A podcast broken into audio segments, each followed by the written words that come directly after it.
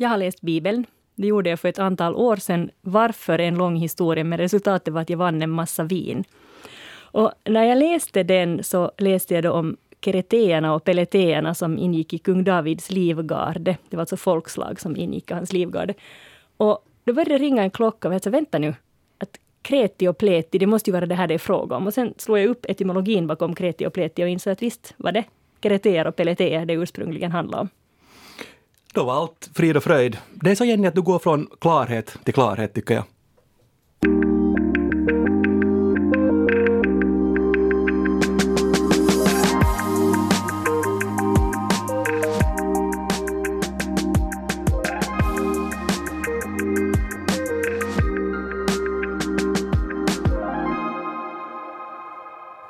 Nu får jag säga det som jag har velat säga jättelänge. I begynnelsen var ordet och nu är näst sista ordet här med, med Jens Berg och språkexperten Jenny Sylvin. Hej hej! Börja med lite pappahumor där, var det inte? Ja, absolut. Och det är klart, jag tycker det är så roligt det här kreti och pleti, för det sitter roligt i munnen. Och, och från att det har betytt två olika folkslag så betyder det ju nu att så allehanda löst folk. Och finns en hel del av något sorts relativt vardagligt språk i alla fall.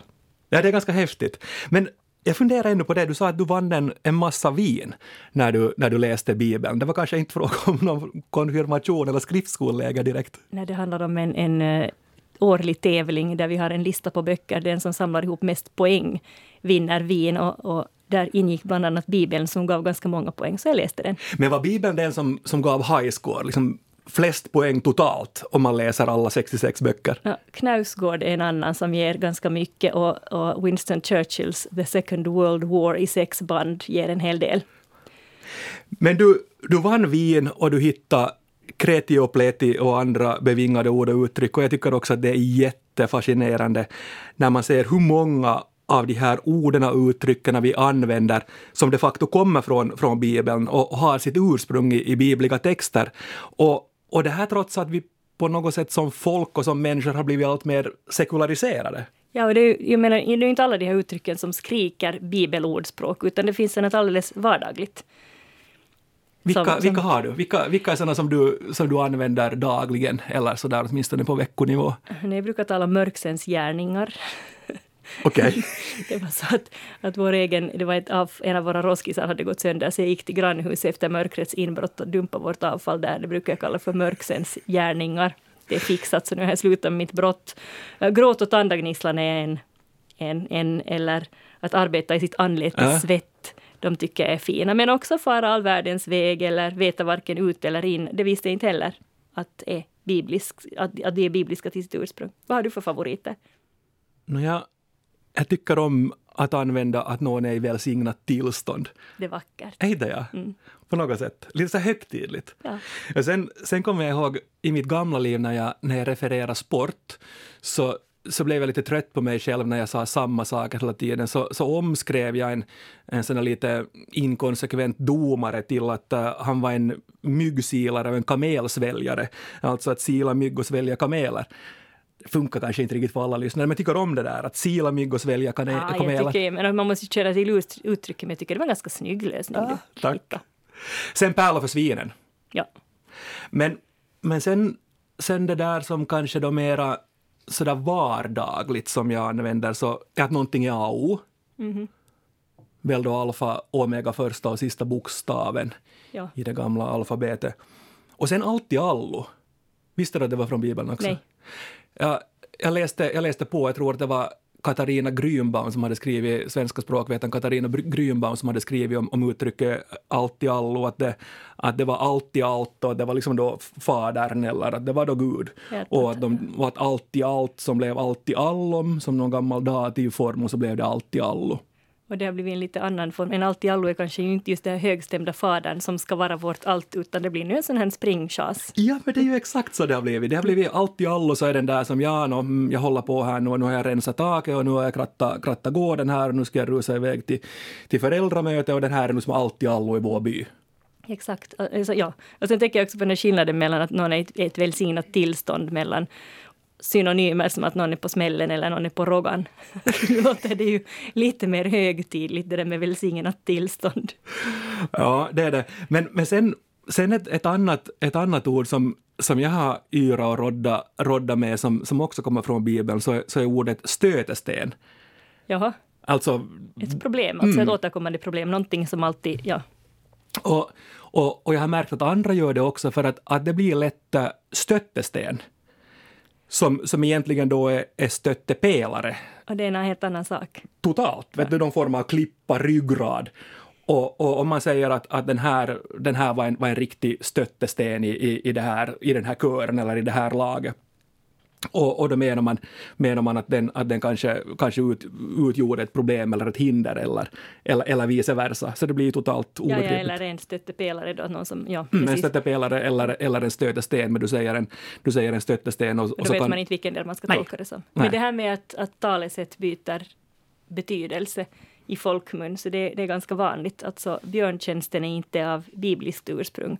Men det handlar alltså om en, en, om en legend eller en fabel där det var en en björn som hade en, så en fluga på sin ägares huvud och slog ihjäl flugan och ägaren med en jättestor sten. Och då var det ju en björntjänst, men att, att i, i synnerhet i Sverige, i Björnes och Bamses förlovade land, så har en björntjänst kommit att betyda något. Oj, tack snälla, det här var en riktig mm, björntjänst. Mm, ja. En björntjänst gör ju ingen människa glad. Men det, mm. det sjunger ju Baloo, och där ja. använder han gjorde rätt, att mm. en björntjänst är ju en tjänst som sen är en feltjänst. Mm. Men du sa, du sa Jenny också, också någonting om, om hokus pokus som jag tyckte var, var jätte, jätteintressant. Ja, ja, hokus pokus filiokus. Och det här är ju alltså, kommer från hockest corpus. Å ena sidan alltså detta är min kropp, de här orden när, när, från den första nattvarden. Och å andra sidan också filioque som lär betyda av sonen och av sonen. Och det här hokus pokus filiokus, det här är alltså på, alltså det där var det belagt sedan 1500-talet. Och på den tiden läste man mässan på latin.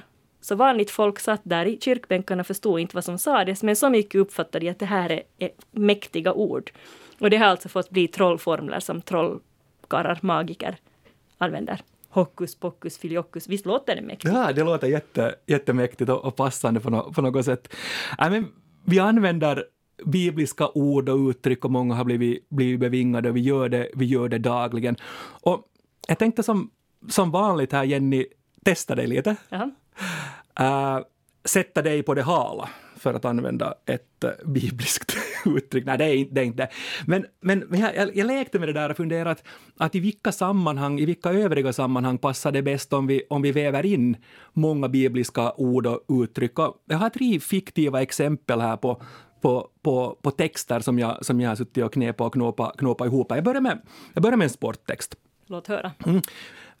Fotbollsmatchen igår var inte av denna värld. Domaren bidrog till att kvällen blev sjufalt värre. Han valde ibland att se mellan fingrarna och ibland att tolka regelboken som fan läser Bibeln. Det största ramaskriet utlöste domaren när han vägrade att krypa till korset efter att ha visat ut fel spelare. Jo, vars. Ganska, ganska idiomtungt, skulle jag säga. Men, men, men inte, inte skulle jag säga att de här orden inte skulle platsa i den här texten. Äh. Kanske inte alla på samma gång bara. Nej, förstås inte, men inte av denna värld. Eller inte av denna världen, jag vet inte riktigt vilken del man säger. Uh, nej. Ja, Sjufalt värre, mm -hmm. se mellan fingrarna, som fan läser Bibeln, ramaskri, krypa till korset. Fast som fan läser Bibeln, det står väl ändå inte i Bibeln? Osäker. Vi får ringa någon vuxen. Bibeln skriver ju inte om sig själv på det sättet. Nej, det stämmer. Skönt att ha dig med här. Vi tar en kulturtext testar. Teaterpremiären igår bjöd på ömsom vin och ömsom vatten. Regin i den första akten famlade i mörkret och huvudrollsinnehavarnas skickliga tolkningar var som att kasta pärlor för svinen. På scenen var det oftast trångt om saligheten och samspelet mellan regi och musik var som när en blind leder en blind. I den elfte timmen hittade man dock den röda tråden och crescendot gick genom märg och ben på publiken. Ganska mäktigt. Mm. Mm. Men fungerar kanske lite bättre än, än sport? Jag vet inte om det är sporten. Jag, vet, jag tror helt enkelt att du kanske hade lite alldagligare bibelmetaforer i den första texten och sen tog du lite eh, högtidligare, ovanligare, mer så ordspråksboken i den här kulturgrejen. Jag vet inte om det var medvetet eller jag är osäker. Om det bara blev så. det kanske bara bidde så. så här, en blind leder en blind, det tycker jag att det är ett fint uttryck. Det är det. Här var alltså ömsom vin, ömsom vatten, famla i mörkret, kasta pärlor för svinen, trångt om saligheten, en blind, en blind leder en blind i elfte timmen och märg och ben. Sista, politik. Ministern gick igenom sitt verkliga elddop när han fick svara på frågor om roten till det onda. Han fick väga sina ord på guldvåg när han förklarade att sötebrödsdagarna är slut. Han lyckades trovärdigt axla manteln som den ansvarstagande ministern när han beskrev vår banksektor som en koloss på lerfötter. Om inte bankerna förvaltar sitt pund bättre tar statsekonomin en ände med förskräckelse. Det här tycker jag låter mest naturligt på sätt och vis. Alltså just när man, man analyserar politikers språk, just att den och den gjorde så här för att och på det här sättet och just det här väga sina ord på guldvåg, det tycker jag är ganska vanligt politiksnack. Så här hade vi, hade vi då elddopet och just då väga sina ord på, på guldvåg, roten till det onda, sötebrödsdagarna, axla manteln, koloss på lerfötter, förvalta sitt pund och en ände med förskräckelse. Så så Jenny som enväldig domare här så säger att, att i politiksammanhang bäst. Åtminstone som du gjorde det den här gången. Jag vet inte, du hade kanske suttit och, och funderat på vad som låter bäst. Jag tycker du hade lyckats bäst i den här politiktexten. Men, men varför, varför tycker du, eller varför tror du att vi svenskar har så många ord och uttryck som vi, som vi använder som har, har ett ursprung i, i Bibeln? Ja, det kan just hända att, att, när man lärde sig läsa, just den här skolan var starkt knuten till kyrkan och just det man började läsa var bibeltexter och katekesen och, och sånt här, så att det, det sitter i. Och det har varit liksom ett språkligt allmängods mera förr än nu eftersom man inte alls läser Bibeln i samma utsträckning eller religiösa texter i skolorna och, och en del har ingen religionsundervisning alls och religionsundervisningen går ju inte så jättemycket ut på att sitta, sitta och läsa Bibeln. Uh, åtminstone inte i sån här obearbetad form. Jag menar, just, alltså, det är ofta då specialbearbetningar för barn till exempel. och så där. Men jag tycker att det är ganska spännande att i språkbadsskolor, och språkbad går ut på att, att de här ämnena man läser på, ofta är ju språkbad i, i finländska skolor, så att, att finska barn går i språkbad på svenska. Och då läser man vissa ämnen på svenska, så att man har biologi på svenska och, och sen vissa år läser man de här samma ämnena på finska för att man då ska få terminologin på båda språken. Men modersmålet och religionsundervisningen är alltid på Häftigt. elevernas modersmål. Ja. Jag tror just att det här orsaken till att modersmålet, alltså religionen alltid hålls på modersmålet, är att de här texterna, bibeltexterna, böner, salmer, det är på något sätt så knutet till språket och modersmålet, att, att det är viktigt att erbjuda det, eller upplevs som viktigt att erbjuda det på familjens språk. Just familjens känslospråk. Och det är säkert därför också som vi reagerar så kraftigt när, när språket i, i traditionella böner och, och salmer förändras. Ja, dottern blev, blev konfirmerad här för, för, några, för några veckor sedan och, och vi var i kyrkan med, med henne och jag fick ju alltså läsa innan till Fader vår, alltså vår, vår fader. Och, och jag vet inte riktigt vad jag ska tycka och tänka, tänka om det. Nej, Ja, ja, det kanske inte vi som ska tycka och tänka om det, utan det, det, det liksom, den generation den är avsedd, eller de som har vuxit upp med den som får tycka och tänka. Mm, vi ska prata om det här. Uh, vi frågar omsorgsprästen Klaus Terlinden varför han tror att vi reagerar så starkt när språket i uttryckligen bekanta salmer och, och böner förändras. För en är, är, är, det kanske helt enkelt en trygghetsfaktor som försvinner när, när texterna inte mer låter så som de lät när man själv lät sig dem, fast det kan ha varit ganska nytt då också, ganska ny översättning då. vet. Sen finns det ju säkert sådana som har teologiska skäl, som tycker att nej, det här sättet att översätta är fel. Sen finns det sådana som är av, av princip mot förändring. Sen finns det säkert de som, som på något vis um, sammanlänkar begreppet helighet med oföränderlighet. Då tycker man att det, det får något heligt när man inte mer får säga av ondo eller något i den stilen. Jag tror det finns ganska många olika, mest psykologiska och lite teologiska skäl varför, varför det berör. Vad tycker du själv? Jag kan lite känna med det där alltså att, att något, något vant försvinner så blir man osäker eller lite rubbad i sina cirklar. Det var inte från Bibeln. men, men jag tror inte varken att, att helighet och oföränderlighet hör ihop och så är jag så mycket språkmänniska att jag vet att språket lever helt enkelt. Alltså, man, man kan göra så som katolska kyrkan gjorde ganska länge, att man höll fast vid latin fast ingen förstod det mera men, men annars så varje språk lever och förändrar sig och vill man inte bli helt oförståelig eller missförstått så, så, så måste man också ändra. Inte bara översatta texter utan också, det, det har ju också gjorts med psalmbokstexter som, som har moderniserats, ibland bättre, ibland sämre. Men, så jag tycker i princip att det är något farligt med att, att ändra och nyöversätta. Men det ska göras med förstånd och eftertanke.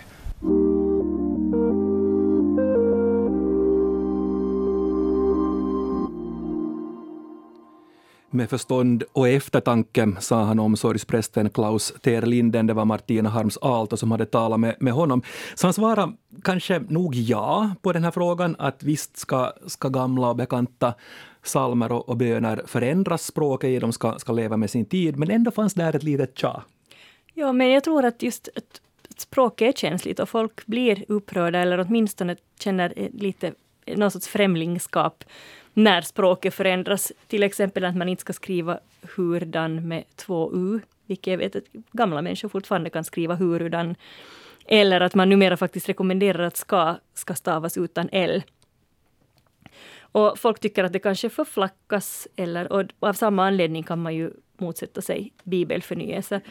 Jag har ju själv lärt mig det här fräls oss ifrån ondo och tycker det låter på något sätt väldigt mycket vardagligare, om, om inte nu säger helt knäppt med, utan rädda oss från det onda. Men å andra sidan så är det ju också jättemycket tydligare. Låt ditt rike komma är mer genomskinligt och lättolkligt än, än sked, vänta nu, tillkommer ditt rike. Och jag menar det är lite på något sätt svårt om man å ena sidan ska lära sig en bön och sen å andra sidan måste liksom separat lära sig vad den bönen betyder. Och då är bönen Fader vår en ganska, på något sätt en kärndel av den kristna tron. Att då är det på sätt och vis liksom rationellt och förnuftigt att formulera den där bönen på ett sådant sätt att man förstår den vid första genomläsningen. Vi frågar er i publiken också om det här bevara eller förnya just de här riktiga, riktiga klassikerna. Och oj, så det här har engagerat igen. Vi fick in ja, en bra bit över 300 svar på, på den här frågan. Ja, det är ju jätteroligt att, att dels att, att folk blir engagerade men också visar det. Ja, jätte, jättehäftigt. Och, mm, nu har jag inte gjort någon form av, av liksom direkt vetenskaplig analys av det här, men, men den delar, frågan delar definitivt publiken, sådär 50-50, 50-60 skulle jag säga. Och, och många av er så tycker att, eh, att de här salmerna och, och klassiska bönerna så måste förnyas. Barbro skriver så här, ja, om moderniseringen utförs av proffs, det är ju inte förbjudet för individen att sen använda äldre versioner heller. Anna-Karin skriver så här, jag tror att det är viktigt att språket hänger med. Det är ändå rätt sällan förnyelse sker. Idag är det knappast någon som använder ordet frälsa i betydelsen rädda. Ja, och för unga idag innebär frestelse främst en maträtt. Bra av Anna-Karin där. Nadja skriver, texterna i Bibeln är flera tusen år gamla. Varför då bevara en form från, från 50 till 100 år tillbaka? Den är ju inte heller ursprunglig. Det var en bra poäng, tycker väl argumenterat. Och Greger sen här också. Klart det ska förnyas om det ska vara aktuellt, aktuellt ehuru skolade annorstädes genljuda. Bra kommentarer och ungefär lika många av er i, i publiken så tycker sen tvärtom. Jag tar några, några av dem, de här också. Maj-Britt skriver jag tycker inte man ska ändra om och om igen. Till slut är det inte samma text och innebörd mera. Det har redan moderniserats tillräckligt. Mm, fast språket förändras ju. Det är inte så att, att nu, har det föränd- nu har det moderniserats tillräckligt, nu moderniserar vi inte mera och sen står resten av språket också stilla. Det är kanske inte en helt rimlig förväntning. Men sen, sen just det här att hur, hur känsligt det här är. Maja Maja skriver, skriver och, får, och får på något sätt personifiera det här känsliga i frågan. Modernisering av salmer och texter är orsaken till att jag på allvar funderar på att skriva ut mig, alltså att träda ut ur kyrkan. Modernisering är oundvikligt i många sammanhang, men för mig har kyrkan tappat sin tyngd och trygghet på grund av det här. Och det är ju kanske just det där, ja, man, man håller fast vid de här ordalydelserna som han har vuxit upp med. Men jag tycker den här poängen som, som kom fram här bland de som förespråkar förändring var det att det är ju alldeles fritt fram att fortfarande hålla sig till gamla versioner. Läsa, läsa sin gamla bibel eller psalmbok. Steven ännu skriver så här, intressant frågeställning. Tycker att vissa salmer och böner tappar lite av sin lyriska skärpa när de moderniserats. Vår fader låter till, till exempel inte lika bra i trosbekännelsen som Fader vår. Jag hörde en gång en präst som diskuterade det här ämnet och han sa att han har att han hade en återhållsam syn på att ändra texter, men av erfarenhet var det ingen större vits att kämpa mot vedertagna förnyelser. Sen då orsaken till att jag lutar mot att inte förnya är något en präst sa en gång till mig. När han besökte döende och svårt sjuka gamla människor så sjöng han ofta salmer med dem. Trots att minne och medvetande kunde vara långt borta så fanns barndomens salmer kvar hos dem. Även fast de själva inte kunde sjunga med upplevde han att sången ofta skapade någon form av trygghet och lugn hos den döende. Mm. Fast jag tänker att, att för en präst som ändå arbetar med de här texterna kanske det inte är någon jättestor sak att kunna flera versioner.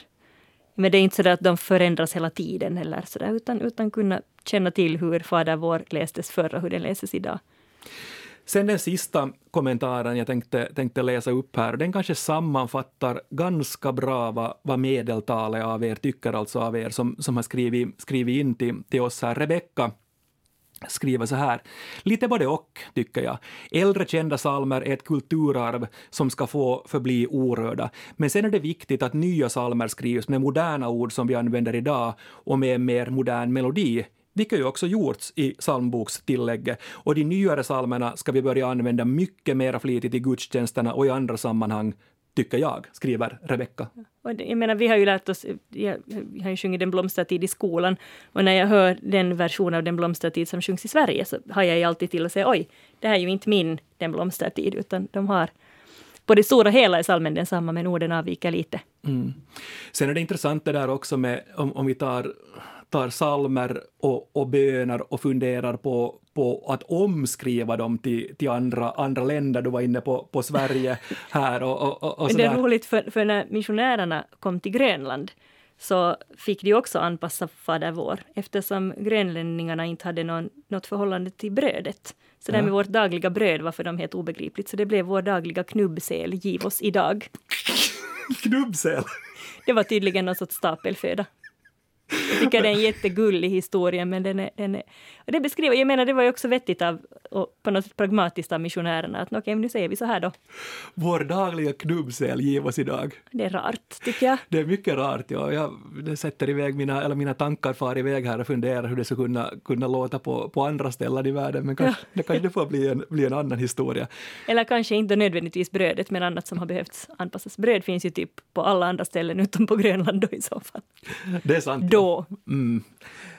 Sen, sen tänker jag på, på det där också, nu, nu har vi talat, talat mycket om, om, om allt det från, från att vi att de här bibliska orden och uttrycken kanske kommer från, från den dagen när vi satt och präntade, eller när våra förfäder och förmödrar satt och präntade katekesen på 1500 och 1600-talet kanske. Och, ja, och därför, jag memorerar den, ja. Mm, och memorerar den och, och, och därför tog till de, de uttrycken och började använda dem mera, mera vardagligt och, och, och sådär. När vi ser på på, på, på världen och vi ser på, på, på, på flyttningsrörelser till vårt språkområde, till, till svenskan, så så får vi ju allt fler nysvenskar, nyfinländare, nyfinlandssvenskar som kommer från, från andra delar av världen och har en annan religion och har någon annan, annan liksom helig, helig skrift och, och, och framför allt då kanske muslimer och islam och Koranen tänker jag på. Tror du vi kommer att, att, att få se, tack vare en större inflyttning till, till, till vårt språkområde, också att, att, att den här typen av uttryck eller, eller bevingade ord från, från Koranen kommer att, att, äh, att dyka upp mera i vårt vardagliga språk? Jag tänker nu på just inshallah eller äh. halal, andra sådana ord. Frågan är lite i vilken utsträckning vilken riktning integrationen tar. Och sen tänker jag också en sån här som att, eh, jag menar just hur, hur, hur väl integrerade muslimer blir och vilken genomslagskraft de här orden får. Men sen tänker jag också just till exempel inshallah som betyder alltså om Gud vill. Så det är ju någonting som just det här att, det här, du ska inte missbruka Herrens namn och då handlar det just om huruvida man som icke-muslim eller i synnerhet sekulär person så att säga tillåts använda det ordet. Och i vilken utsträckning, jag menar om Gud vill så det är egentligen en ganska from önskan. Det är ju inte samma sak som att använda ord som herregud eller andra uttryck. Så att, så att på det sättet så är det ganska oproblematiskt att använda det. Men, men eh, frågan är också vilken deras attityd till att vi använder de här orden blir. Men det har ju nog blivit just med, med inshallah så, så, så, märker jag att, att, att man kan säga det just på, på det sättet att ska vi fara och spela golf i, i övermorgon så är det inshallah. Men att det betyder det mer sådär att om, om väder och vind tillåter eller, eller om vi nu är friska eller sådär. Men det är ju så det används. Ja. Ja. Det, är- det är ju så det används också av muslimer. Ganska så här lättvindigt så att säga. Inte behöver det vara någon stor tanke bakom det alltid. Nej. Och halal sa du, sa du också, att, att blir det ett sånt ord som vi, som vi börjar använda mera för att, att, att beskriva någonting som är, som är, som är rent eller, eller någonting som är, som är gjort på rätt sätt? Eller, alltså, då behöver det inte vara mat. Ja, fast det betyder väl i, i, den primära betydelsen är det bara tillåtet.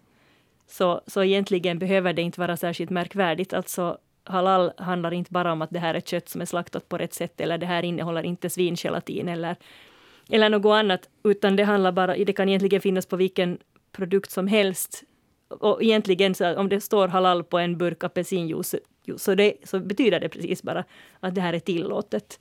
Även om ingen skulle tänka tanken att innehålla den här gelatin eller har den här apelsinen slaktats enligt alla konstens regler. Så, så, till, så det finns liksom, och det gäller inte bara mat utan det gäller liksom gärningar också. Sånt som är Ja, men jättespännande blir det att, att följa, följa med. Att hur, hur kommer utvecklingen att se ut när det gäller bevingade ord och uttryck som vi får från, från nyinflyttade nyfinländare och, och nysvenskar till vårt, till vårt Och språkområde? vilka alla andra kulturella, kulturella referenser det blir. Plötsligt blir det till exempel Game of Thrones får något jätteinflytande på vårt språk som håller i sig i decennier. Det tror jag inte, men, men man vet inte. Nej. Och då kan vi fundera också att kommer, kommer det språket, om Game of Thrones blir det, kommer det att skrivas om språket om 50 år sen för att sitta, sitta i munnen på, på, på de generationer som kommer efter oss? Det blir kanske ett annat avsnitt av näst sista ordet. Äh, nästa vecka så ska vi tala om emojis och meddelanden. Måste vi använda dem, glada gubbar och gummor, för att man ska kunna stärka en känsla? Har det liksom på något sätt blivit det nya kroppsspråket i text? Ja, det, det är möjligt och just det här, ja, för att, för att det, det är så mycket, många dimensioner som går förlorade när vi bara ser, eller liksom ser text istället för att höra tonfall eller se gester och kroppsspråk. Och vad man tycker om dem är förstås sen, ja, där, där, där ser man också kanske en liten generationsförändring. Mer om det nästa vecka. Mer om det nästa vecka. Fortsätt gärna att skriva oss på nästsistaordet.yle.fi. Hur använder du emojier? Skriv till oss alltså på nastsistaordet.yle.fi. Men nu säger Jenny och Jens morgens. Morgens!